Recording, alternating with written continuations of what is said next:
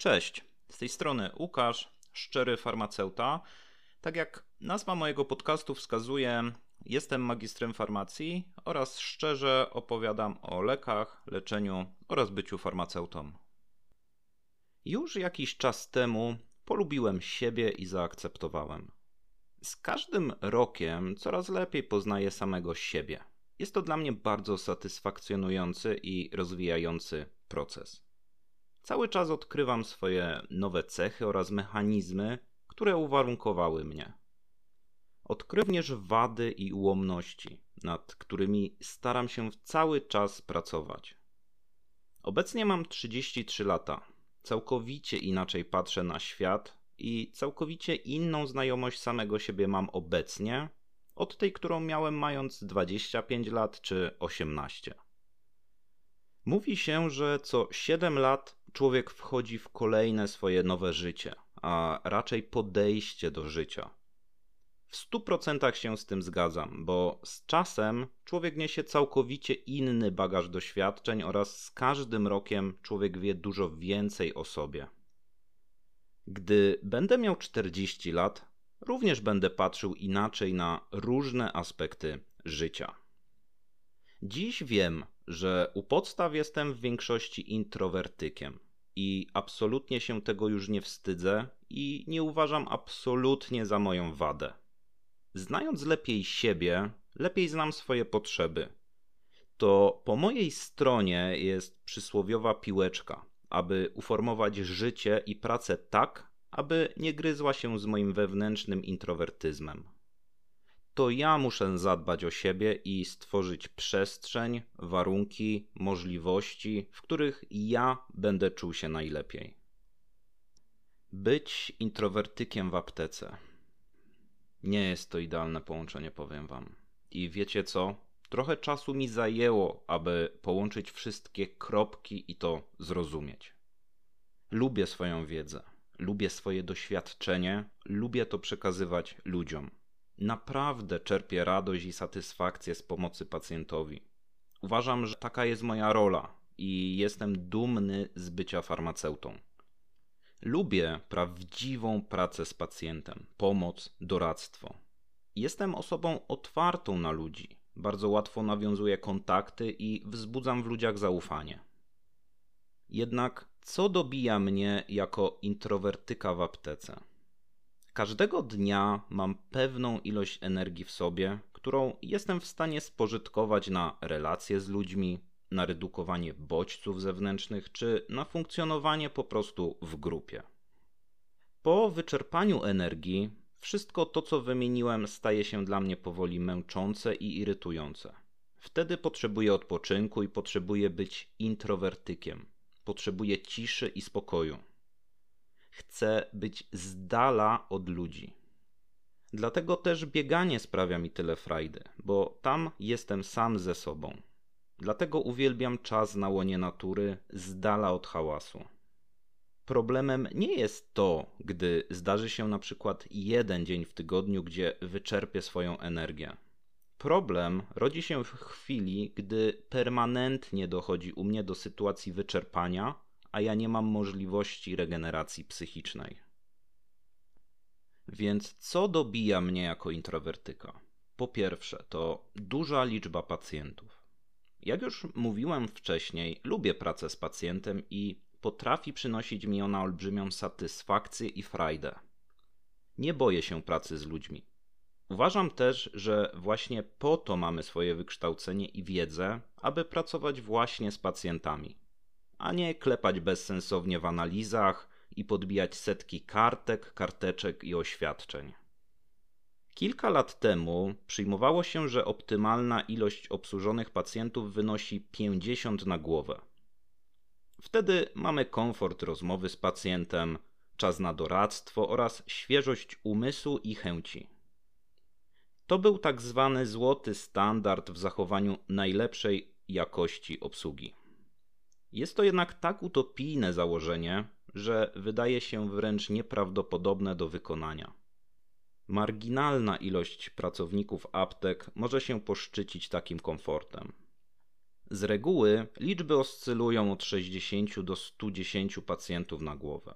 A wtedy na chłopski rozum trudno mówić o jakiejkolwiek pracy z pacjentem. I jasne, że będą osoby, które pociągną takie liczby.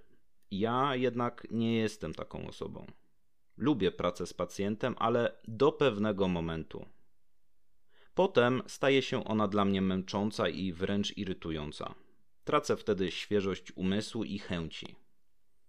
Jeśli każdego dnia dochodzi do momentu przesilenia psychicznego, rodzi to we mnie frustrację oraz wypalenie. To trochę tak jak z jedzeniem pączków. Jednego zjem i będzie mi smakował. Drugiego i nawet trzeciego też zjem ze smakiem, ale jak zjem ich dziesięć, to się zesram i pożygam. W pracy z pacjentami dużo energii im oddaję. Dużo energii wymaga empatia, cierpliwość oraz wysłuchanie każdej historii. Apteka nie jest niestety miejscem, gdzie tą energię równoznacznie odzyskam. Po drugie, dobija mnie brak równowagi personalnej damsko-męskiej w zespołach aptecznych. Nie da się ukryć, że farmacja w ogromnym procencie to kobiety. Tak było, jest i zapewne będzie. Tak samo nie da się ukryć, że jesteśmy diametralnie różni. Natura i ewolucja innymi cechami obdarzyła kobiety, a innymi mężczyzn. Kobiety mają zdolność wypowiadania często niezliczonej liczby słów i to na każdy temat, analizowania drobnych rzeczy, sytuacji przez długi czas. I absolutnie tutaj nie wytykam tego. Taka jest po prostu natura kobiet. Jednak dla mężczyzny, a na dodatek w jakimś stopniu introwertyka, praca w takich zespołach jest momentami po prostu męcząca. I to też zjada część mojej wewnętrznej energii. Po trzecie, dobijają mnie bodźce zewnętrzne. W pierwszej kolejności wymienię tutaj telefon apteczny, który myślę, że dla większości magistrów jest okrucieństwem w pracy. Sprawdzam recepty. Nagle dzwoni telefon. Czy jest ten lek? W jakiej cenie? Czy recepta aktualna? Ile to będzie wszystko kosztować? Albo wprowadzam towar, robię zamówienie, czy ogarniam jakąś sprawę, temat, wypełniam dokumenty, nagle telefon. Żeby odłożyć leki, zamówić coś, sprawdzić, czy jest dostępny jakiś preparat. Gdy wracam do poprzedniego zajęcia, Muszę ogarnąć, na czym skończyłem, znowu się na tym skupić. Takich sytuacji mam ogrom każdego dnia. Skupiam się na czymś i co chwilę telefon wybija mnie z rytmu. Już sam dźwięk dzwonka telefonu aptecznego często doprowadza mnie do szaleństwa. Kolejna sprawa to dzwonek apteczny, z którego korzystają dostawcy z hurtowni oraz kurierzy, gdy przywożą towar. Korzystają z niego również pracownicy apteki, gdy przychodzą do pracy. To też bardzo często wybija mnie z rytmu pracy. Robię coś, próbuję coś załatwić i nagle trzeba otworzyć drzwi na zapleczu, przyjąć towar.